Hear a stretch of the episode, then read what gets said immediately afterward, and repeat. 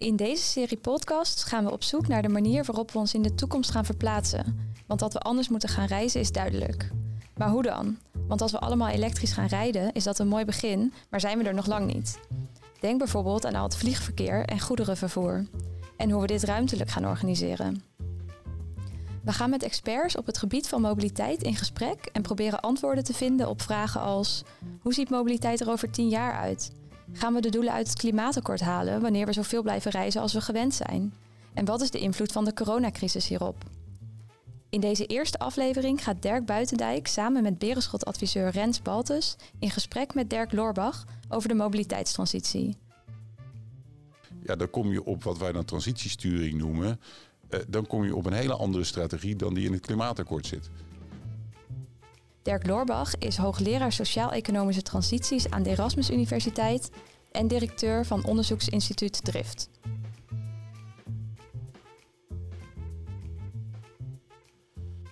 Nou, eh, Rens, duurzame mobiliteit in 2030. Maak het eens persoonlijk. Om te beginnen, hoe ben jij afgelopen jaar jouw gedrag veranderd op het gebied van mobiliteit? Als ik naar afgelopen jaar kijk, zie ik eigenlijk twee verschillende dingen. Aan de ene kant ben ik net als denk ik iedereen veel minder gaan reizen. Ik werk met name vanuit huis. En ik denk dat dat misschien wel een deel blijvend is. In plaats van dat je makkelijk ergens naar iemand toe reist voor een gesprek, denk ik dat we een heel groot deel van die gesprekken best digitaal kunnen doen. Ja, dus Niet alles, maar wel veel. Dit is dus een uitje waar we nu zijn. Voor mij is dit een uitje, ja. Ik kom bijna nooit meer uit huis. Nu ben ik een keer buiten de deur. Een dagje Rotterdam. Een dagje Rotterdam, ja. Nou, wat ik grappig vind is dat natuurlijk, je hebt de ene kant persoonlijk verhaal, dus dan vraag je het aan mij.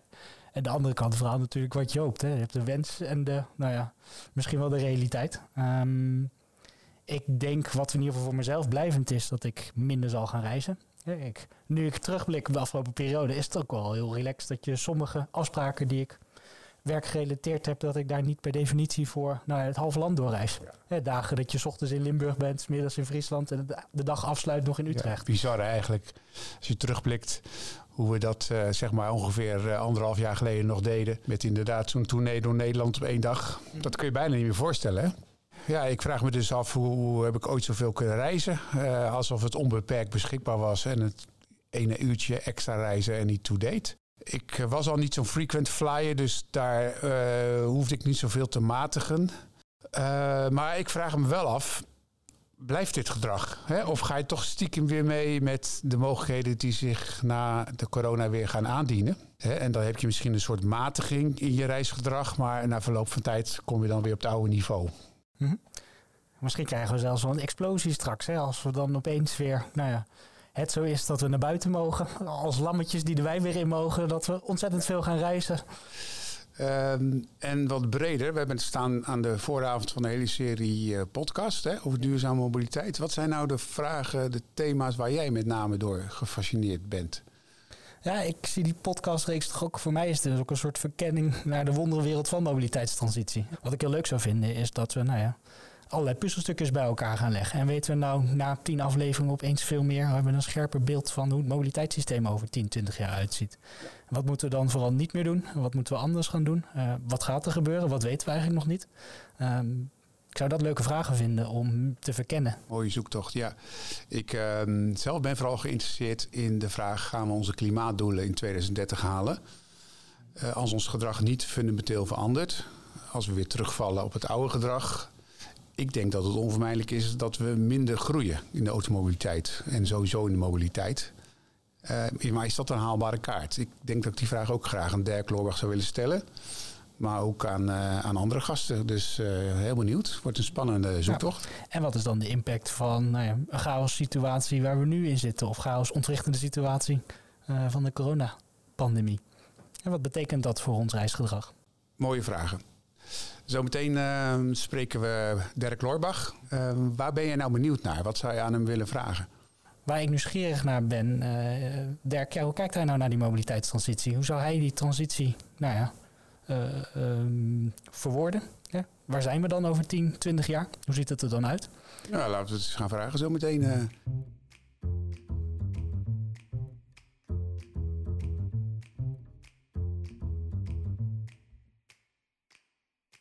Dirk Loorbach, hoogleraar transitiekunde aan de Erasmus Universiteit. De coronacrisis lijkt ons een beetje te helpen in die transitie? Of is dat maar schijn? Gaan we na de coronacrisis weer gewoon onze oude patronen oppakken en zijn we binnen een half jaar na de corona weer op het oude mobiliteitsniveau? Eh, ja, daar kan je op twee kanten naar kijken. Inderdaad, denk ik wel eh, dat, eh, dat je ervan uit moet gaan dat zodra het weer kan, we allemaal weer op reis willen. Ik merk bij mezelf de behoefte, maar dat zullen veel andere mensen ook hebben. Ehm, tegelijkertijd is de impact wel zo fundamenteel en zo langdurig dat het niet anders kan dan dat het heel groot gedrag gaat veranderen. Maar dat het ook heel veel mensen aanzet om de structuur te veranderen. Zodat de, die gedragsverandering blijvend is. En wat ik met structuur bedoel is, uh, we hebben bijvoorbeeld thuis werkplekken ingericht. Werkgevers gaan je anders uh, belonen en beprijzen, andere afspraken maken. Um, we gaan de infrastructuur verbeteren, zodat je op afstand veel meer kan en minder hoeft te reizen. Um, we zijn ons veel bewuster van nog van de impact van al die mobiliteit op onze directe leefomgeving geworden. Al die files, al die auto's, de geluidsoverlast. Dus dat zal tot meer beprijzing en meer beleid leiden om dat te ontmoedigen. Uh, en daar is draagvlak ook groter voor geworden. Als ik jou zo hoor, dan ben je positief gestemd over structurele gedragseffecten die toch wel beklijven. Al ja, met, al, met al. nou ja, uh, vooral indirect. Dat is transitiedenken. Dat uh, gedragsverandering is individueel. Maar uiteindelijk vooral uh, een collectieve uh, verandering via uh, de omgeving. dus we zien andere mensen hun gedrag veranderen. De omgeving verandert. dingen worden duurder of goedkoper, makkelijker of moeilijker. En dat bepaalt uiteindelijk hoe wij ons gedragen. Als ik naar mezelf kijk, is het misschien ook een soort reset. Zeg maar. Je gaat andere dingen, zoals thuisblijven, misschien ook wel meer waarderen. Of waarderen dat je in plaats van dat je veel onderweg bent, nou ja, ook tijd overhoudt voor andere dingen. Ja, ja, ja en het, het, het, is zowel waarderen als wennen aan. Mm want de gedragsverandering is ook gewoon gewenning en, en een nieuwe routine opbouwen. Um, en daar dan de voordelen uh, van ontdekken. Er zitten natuurlijk ook voordelen aan uh, je oude gedrag. Daar kreeg je ook allemaal prikkels uh, van. Of dat voor je ook leuk. Of je, je was er ook deels aan gewend geraakt. Um, nu verandert de context. En dan ga je uh, voor jezelf ook de positieve dingen benadrukken van dat nieuwe gedrag. Laten we die koppeling eens verder onderzoeken met uh, klimaatdoelen en de transitie van mobiliteitstransitie, waar we min of meer middenin zitten. Ik ben benieuwd hoe jij daar naar kijkt. Maar hoe kunnen we nou die structurele effecten verder, zeg maar, kunnen we dat voortbouwen? Wat zou een nieuw kabinet daar moeten doen om die impulsen echt door te zetten? We hadden het al over 2030, hè, de elektrificatie van het wagenpark is onvoldoende, denken we. Maar wat zouden we nog meer kunnen doen om die, ja, om die impuls verder door te zetten? Nou ja, eigenlijk eh, als je de gedachtenlijn die we net hadden doortrekt, dan eh, zou mijn antwoord vooral zijn eh, de context veranderen. Dus het momentum gebruiken om de omgeving te veranderen zodanig dat gewenst gedrag de norm wordt. En je ziet het nu in heel veel steden gebeuren. die, die grijpen eigenlijk de coronacrisis aan om versneld allerlei veranderingen door te voeren waar ze al langer mee aan het experimenteren waren of mee aan het oefenen waren. En dat gaat eigenlijk gewoon heel banaal over het voorrang geven aan fietsers en voetgangers vergroenen van de publieke ruimte, meer verblijfsruimte, meer ruimte voor langzame mobiliteit, minder parkeren op straat, moeilijker maken, meer emissieloze deelmobiliteit. Um, dus eigenlijk die verschuiving van een uh, individueel en fossiele auto gebaseerd mobiliteitssysteem naar een mobiliteitssysteem gebaseerd op uh, lopen en fietsen. En daaromheen delen, OV. Um, ja, die zijn een hele hoop steden nu versneld aan het doorvoeren. Tegelijkertijd werkt het kabinet nog aan investeringsplannen voor auto-infrastructuur. Um, het zou me niet verbazen als dat ook weer terugkomt in een nieuw regeerakkoord. Even afhankelijk van natuurlijk wie, uh, wie er in het kabinet gaan zitten. Maar we hebben nu toch een beetje het gevoel in de samenleving, want het is en-en. We moeten op die verduurzaming nabijheid insteken, maar we moeten ook klaar zijn voor ja, investeringen die nodig zijn om het hele mobiliteitssysteem weer te laten draaien. Ja, dat vind ik dan toch echt het, uh, het oude denken. Daar lopen natuurlijk heel erg tegenaan die A27-discussie of nu de A15 die weer doorgetrokken moet worden. Of de, um, En daar, daar, zie je eigenlijk hetzelfde mechanisme. Hè. De structuur leidt tot een bepaald soort gedrag. Hè. We leggen al decennia lang wegen aan. Die lokken eigenlijk automobiliteit uit. Zeker de snelwegen. Uh, dat hebben we met de ruimtelijke ordening ook uh, meegeholpen dat mensen verder van hun werk konden wonen. Snelweg ertussen. Um, en zo creëer je een context en een structuur. En vervolgens gaat iedereen die structuur gebruiken, dus zijn gedrag erop aanpassen. Dan krijg je een file. Ja, en dan zeggen we van dan moet die weg verbreed worden, dan moet het efficiënter worden. Dus er zijn allemaal mensen die dan gaan regelen dat die weg efficiënter gebruikt kan worden. Nou, dit is allemaal geen nieuw verhaal, dit weten we al jaren, maar dat is wel hoe de machinerie werkt, waar ook hele grote belangen in spelen. De uh, investeringen en dat beleid ligt al meerjarig vast. Um, ja, en de politiek die, die werkt daarin mee en die kan daar op de een of andere manier ook nog steeds mee scoren. Het mooie vind ik wel dat de afgelopen jaren dat verzet tegen nou ja, die snelwegmachinerie, zou ik maar zeggen, uh, van lokaal protest bij een Amelis Weert naar veel meer een uh, nationaal uh, verzet eigenlijk is, is gegaan. Moet er überhaupt nog geïnvesteerd worden in ons mobiliteitssysteem? Behalve dan die aanpassingen in de nabije omgeving die ook op het gebied van openbare ruimte en, en ruimteordening liggen. Moeten we bijvoorbeeld nog investeren in openbaar vervoer, in fiets, in auto-infrastructuur? Waar, ja, zou, jij, waar zou jij geld op inzetten? Nou ja, sowieso moet je eh, stoppen met het aanleggen van nieuwe wegen. Uh, er is natuurlijk altijd een argument dat je onderhoud moet plegen. Ik wil, je wil geen instortende bruggen, zegt de minister dan. Ja, dat is eh, terecht. Dus dat onderhoud moet je blijven doen. Maar je moet eigenlijk veel investeringen weghalen bij de automobiliteit. En die veel meer naar emissieloze, collectieve en gezonde mobiliteit. En dat moet de prioriteit hebben. En dus die grote railinvesteringen die nu zijn ingediend bij de, het groeifonds, hè, zoals het zo mooi heet, dat zijn eigenlijk uh, waardevolle plannen.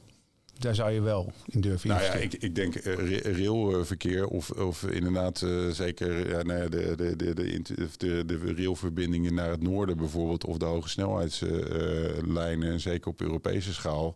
Ja, daar moet echt de prioriteit liggen. Want je moet natuurlijk, maar dat is weer het weghalen van het vliegverkeer. Um, dus dat is daar de strategie.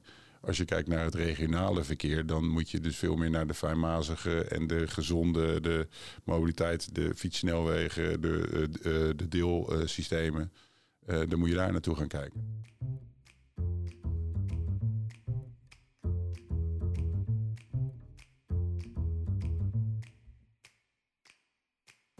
Aan de ene kant denk ik uh, nou ja, het rijk en het zelfversterkend effect van steeds weer opnieuw investeren in automobiliteit. Aan de andere kant lijkt je ook, en je refereerde zelf ook aan in het voorbeeld met het buitenland, uh, of in ieder geval steden, maar je zit ook name in het buitenland.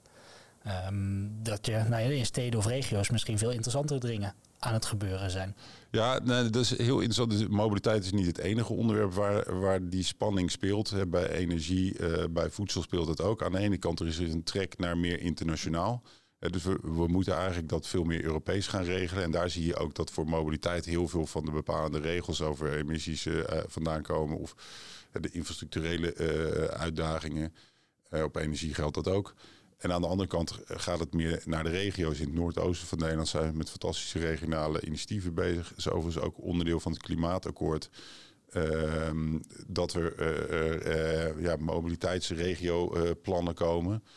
Um, want op die schaal uh, kan je veel fijnmaziger gaan kijken.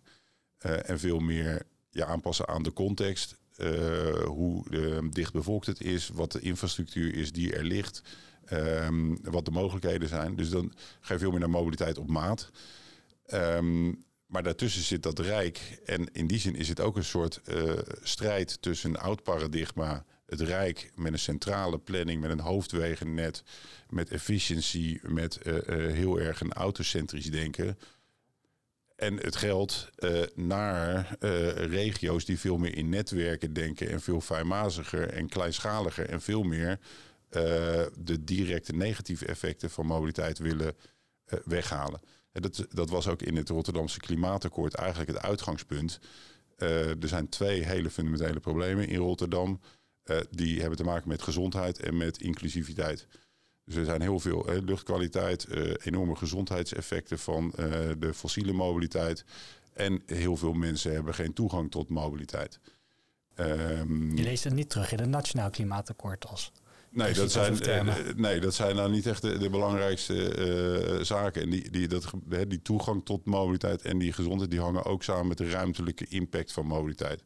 Dus de hoeveelheid publieke ruimte die het autosysteem ook inneemt. En als je dus geen auto hebt, dan uh, heb je onevenredig veel nadelige effecten en heb je weinig toegang tot de voordelen van het mobiliteitssysteem. Dus het uitgangspunt in Rotterdam is in 2030 uh, moet het hele mobiliteitssysteem emissieloos zijn. Alle mobiliteit in, uh, in Rotterdam. en op basis van collectieve principes. Dus moet voor iedereen toegankelijk zijn. En het moet zoveel mogelijk gedeeld zijn.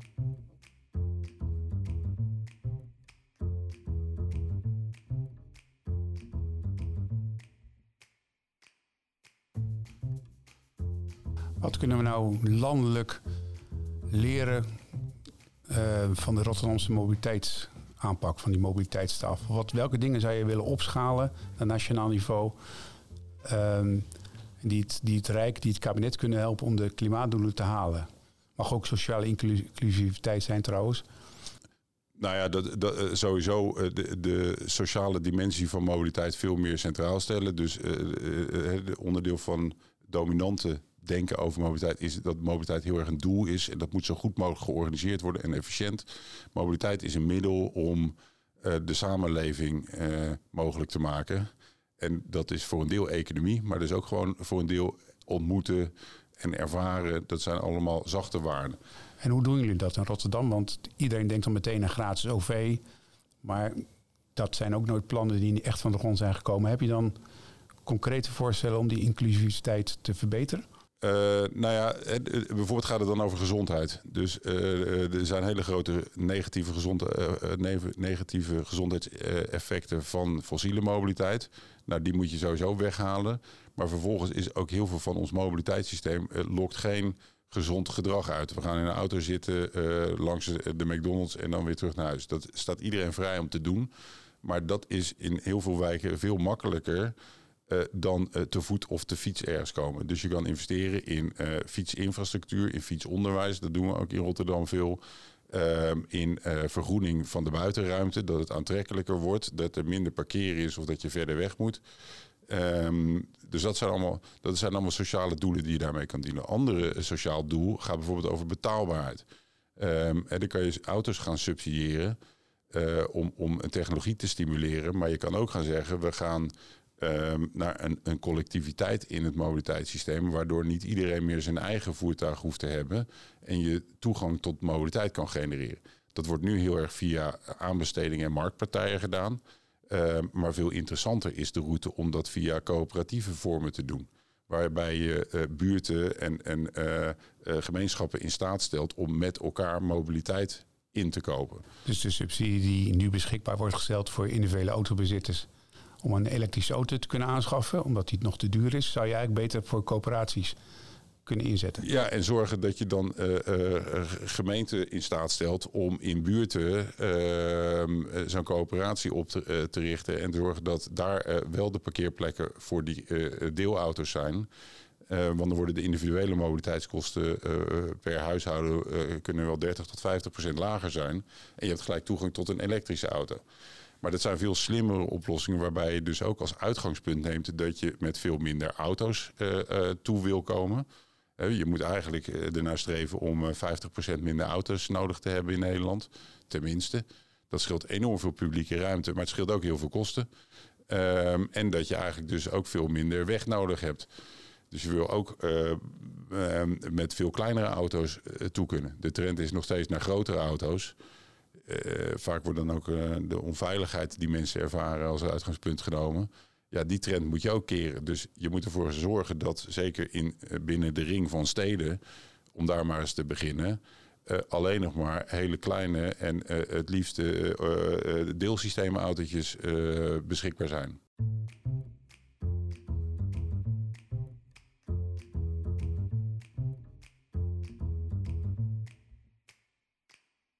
Even de, nou even de link leggen met jouw transitiedenken, waar je bekend om bent. In welke fase van de transitie zitten we nu eigenlijk. Want ik vind het heel verwarrend. Aan de ene kant zie je dit soort initiatieven ontstaan. Uh, die bijdragen aan die verduurzaming. Aan de andere kant zie je ook nog terugval. Mensen die een tweedehands auto kopen omdat ze niet meer in het openbaar vervoer durven. Hè, dus meer tweedehands auto's op de markt. Dat vraagt weer om meer infrastructuur. Nou, ik kan me ook voorstellen dat dat beklijft. En ja, ja.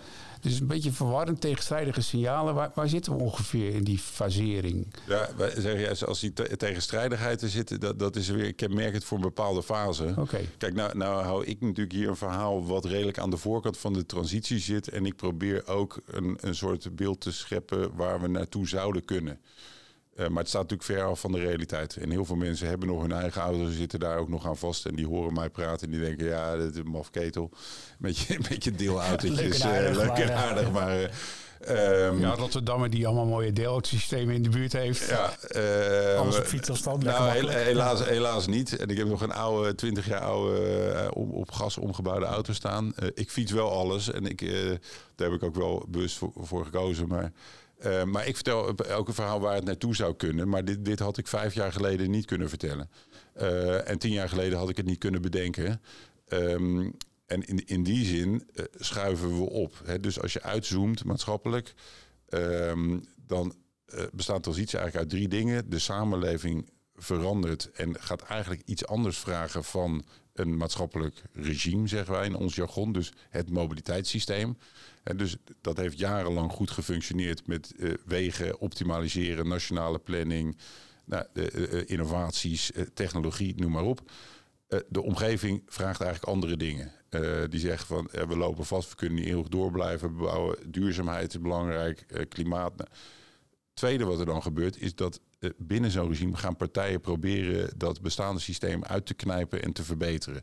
He, dus dan gaan autobouwers proberen de emissies te reduceren. Dan gaan ze op een gegeven moment uh, nou ja, met de software rommelen. Dan komen ze er niet helemaal uit. Nou, uiteindelijk moeten ze dan toch wel ja. elektrische. Er komen, nou, dus die, maar daar, daar is wel een schuiving gaande. En zelfs binnen het ministerie uh, zie je nu stemmen opgaan van... ja, op een gegeven moment moeten we stoppen met nieuwe wegen aanleggen. Anders is, is Nederland één grote parkeerplaats. Dus binnen zo'n regime ontstaan op een gegeven moment ook spanningen... Uh, tweestrijd. Uh, nou, en dan zijn politieke verkiezingen heel belangrijk. Um, nou, en ik denk dat het klimaatakkoord al een grote stap voorwaarts is in het erkennen van de eindigheid van maar doordenderen over die autosnelweg. Um, het moet emissieloos worden. Het, dus de, de, in die zin is de transitie in gang gezet. En tegelijkertijd zie je dus op, zeker op lokaal en regionaal niveau een explosie aan nieuwe mogelijkheden de revolutie van die batterij. Uh, die maakt het ook mogelijk dat iedereen opeens autobouwer kan worden. Dat je allemaal nieuwe concepten ziet. Die smartphone erbij maakt het mogelijk dat je uh, op een heel andere manier kan gaan betalen en delen. Um, corona als versneller zet eigenlijk op al die drie niveaus de transitie nog een keer in de versnelling. Dus het klimaatakkoord helpt daar tot op zekere hoogte bij. Toch ben je ook kritisch hè, over het klimaatakkoord. Ja. Terwijl het klimaatakkoord ook poogt om verschillende thema's als bereikbaarheid, verkeersveiligheid, leefbaarheid, uh, duurzaamheid uiteraard te combineren. En toch ben je kritisch. Waar, waar, waar zit dat in? Ja, ik weet ook niet of kritisch het, het goede woord is. Ik vind het, veel, ik vind het veel te beperkt. Maar ik snap het vanuit uh, dat regime, zoals wij dat noemen. Het is dus vanuit het bestaande uh, proberen een flinke stap voorwaarts uh, te redeneren. Hoe ik redeneer is vanuit een gewenste eindsituatie. Omdat ik weet dat je nooit uh, CO2-neutraal uh, en sociaal um, en ecologisch het meest verantwoord in de breedste zin kan worden vanuit het bestaande. En de historische logica is ook altijd dat er in zo'n context komen er allerlei disrupties, positieve en negatieve, die tot een heel ander soort structuur gaan leiden. Dus we denken nog de hele tijd vanuit de bestaande infrastructuur, bestaande context, bestaande gedrag. En dan gaan we bedenken hoe we dat minder slecht kunnen maken. Um, transitielogica is, vertrekt nou eens vanuit wat je al ziet ontstaan en wat mogelijk is. Dus ik kan mij voorstellen dat ik straks mijn auto niet meer heb, maar dat er wel gewoon een elektrische bakfiets staat waarmee ik mijn boodschappen doe, waarin er een Tesla staat waarmee ik uh, uh, een keer ga showen, waarmee er een, grote busje staat waarmee ik op vakantie ga met mijn familie.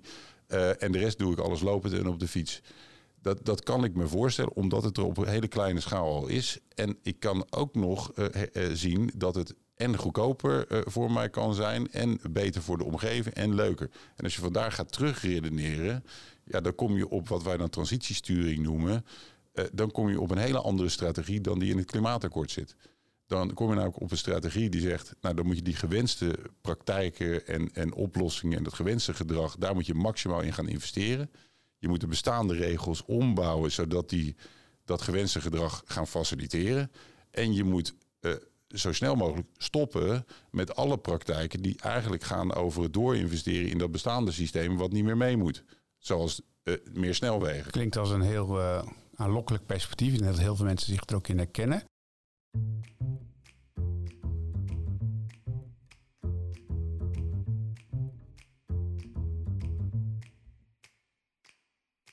Maar die transitiesturing, kan die alleen maar op basis van vrijwilligheid en uh, verleiding, nudging? Of moet je op een gegeven moment ook zeggen, dit doen we gewoon niet meer, hier stoppen we mee. En we gaan u verbieden om bijvoorbeeld met die tweedehands auto nog te rijden. Uh, om toch maar even weer terug te komen op die noodzaak van de tweedehands auto voor mensen die dat nodig hebben. Ja, ja wij noemen het dan transitiemanagement 3.0. Dan wordt het eigenlijk uh, verbieden. Um, maar wel door um, uh, als, als bijeffect eigenlijk van een uh, nieuw en betere oplossing. Um, dus uiteindelijk ontkom je misschien soms niet aan in, in onderdelen het verbieden van uh, bepaalde zaken. We hebben het ooit in Rotterdam natuurlijk met milieuzones al vroegtijdig geprobeerd. En dan merk je, als je daarmee begint, dan creëer je gelijk verzet. Dus de strategie is nu veel meer door uh, meer ruimte te geven aan gewenste vormen van mobiliteit, druk je eigenlijk al uh, ongewenste vormen naar de marge.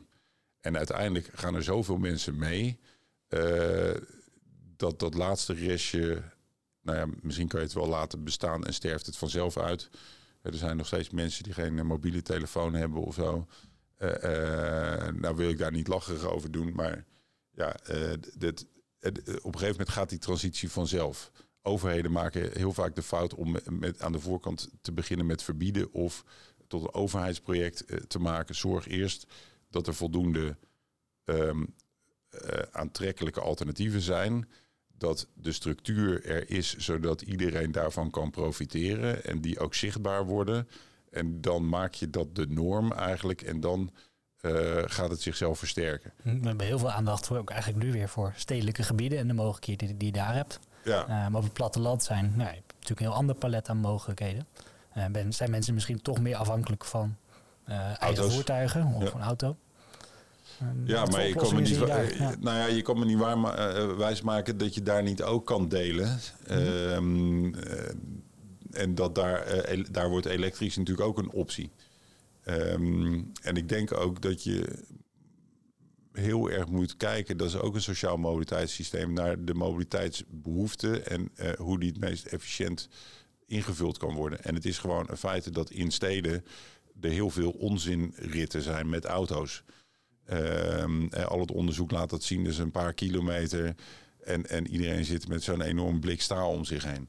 Nou, ook voor het platteland geldt natuurlijk dat uh, die ritten zijn wel noodzakelijk. Want als je daar uh, je wil verplaatsen, ja, dan is individueel vervoer op maat het, het beste.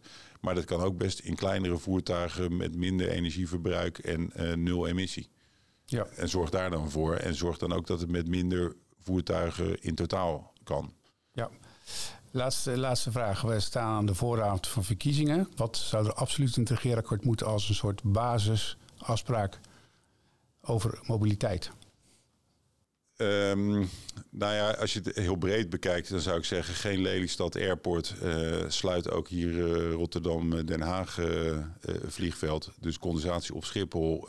en Schiphol ook een, een krimp scenario waarbij je wel zorgt dat KLM positie houdt. Um, dat is een lastige, denk ik, om dat te combineren. Nou ja, die, die moeten nu concurreren op prijs, omdat al die andere uh, luchtvaarten en al die prijsstunters er ook zitten. Ja, daar moet je iets op bedenken. Dat we, dat, daar willen we gewoon vanaf. Uh, dus ontmoedigen van uh, fun vliegen, vliegtax, daar kan nog wel een schepje bovenop. Ehm, maar in ieder geval ook uh, condensatie daar. Uh, um, dan zou ik zeggen, je tweede is, je moet heel erg gaan investeren in treinverbindingen, betere treinverbindingen. Um, op Europees niveau aanhaken bij hoogsnelheidsnet en de lobby daarvoor. stoppen met nieuwe snelwegen. terug naar een, een, herziening van de hele infrastructuurbegroting als het gaat over het hoofdwegennet en dat vooral op onderhoud richten. Uh, maximale steun voor die regionale, uh, sociale en emissieloze uh, mobiliteit. Um, en ik zou ook in ieder geval de, de datum naar voren halen dat er, geen, dat er nog fossiele auto's verkocht kunnen worden. Um, en halen we dan tenslotte onze klimaatdoelen in 2030 met dit ambitieuze pakket? Nou ja, de, kijk, die klimaatdoelen voor 2030 zijn eigenlijk niet echt. Eigenlijk wordt er, wordt er gezegd dat is een beetje het probleem van het klimaatakkoord. In 2050 moet het CO2-neutraal zijn. En als je Parijs volgt, in 2050 uh, moet de hele economie CO2-neutraal zijn. Als je genoeg tijd over wil houden voor uh, de gebouwde omgeving en de industrie, om die ook naar nul te krijgen en, en je gaat uit van de meest eerlijke benadering, de budgetbenadering. En dan, dan moet je zorgen dat mobiliteit in 2030 al uh, CO2-neutraal is. Zal voor transport niet helemaal kunnen. Uh, maar voor automobiliteit moet dat wel streven zijn. Mooi. En waar, wat vanuit de transitie denk je, wat zou je moeten doen om internationaal spoorvervoer te bevorderen ten opzichte van korte afstand vliegverkeer? Nou ja, dus die, die sturingsmix waar we het over hadden. Je moet alternatieven uh, ontwikkelen. Dus je moet zorgen dat de, lijnen goed zijn. Uh, je moet ook zorgen dat dan de incentives goed zijn. Dus dat mensen daar makkelijk op kunnen. Dat het hoogfrequent is en dat het betaalbaar is. En je moet zorgen dat er dingen niet meer kunnen. Dus je moet ook in ieder geval de dis discussie openen op welke afstanden we het gewoon onacceptabel vinden dat er mensen met het vliegtuig gaan als het alternatief er inderdaad is. Begin dan met uh, Brussel en Parijs bijvoorbeeld. De CDA gaat vast weer zeggen dat het Europees moet uh, om, om het te ontwijken. Ik zou zeggen, dat kan je ook gewoon nationaal uh, beginnen. Ehm, ja, ik weet niet hoe dat juridisch ligt, maar ik zou zeggen als aandeelhouder van Schiphol... wij laten geen vliegtuigen meer opstijgen die gaan landen in Brussel. Nou, mooi statement. Dirk, waar kunnen we jou volgen als we de ontwikkelingen willen volgen in het transitiedenken? Ja, het beste eh, of via de site van Drift uh, aan de Erasmus Universiteit of op Twitter, DRK75 of uh, LinkedIn. Stuur me een contactverzoek. we hebben ook met Drift regelmatig een nieuwsbrief en we organiseren allerlei seminars en online bijeenkomsten waar je makkelijk aan kan haken. Dank je. In de volgende podcast gaan we in op internationaal spoorvervoer. Hoge snelheidstreinen moeten in de toekomst het vliegen op de korte en middellange afstand gaan vervangen. De internationale trein zal daarom voor reizigers aantrekkelijker gemaakt moeten worden. Dat lijkt zo'n voor de hand liggende oplossing, maar kan het spoor dat wel aan? Op sommige trajecten zal fors geïnvesteerd moeten worden in de infrastructuur, voordat de internationale trein echt een alternatief is. En het lijkt onvermijdelijk dat luchtvaartmaatschappijen en spoorbedrijven meer en beter gaan samenwerken.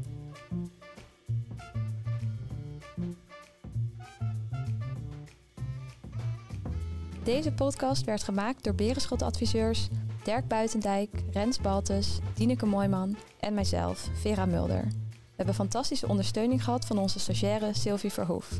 Onze speciale dank gaat uit naar onze gast Dirk Loorbach.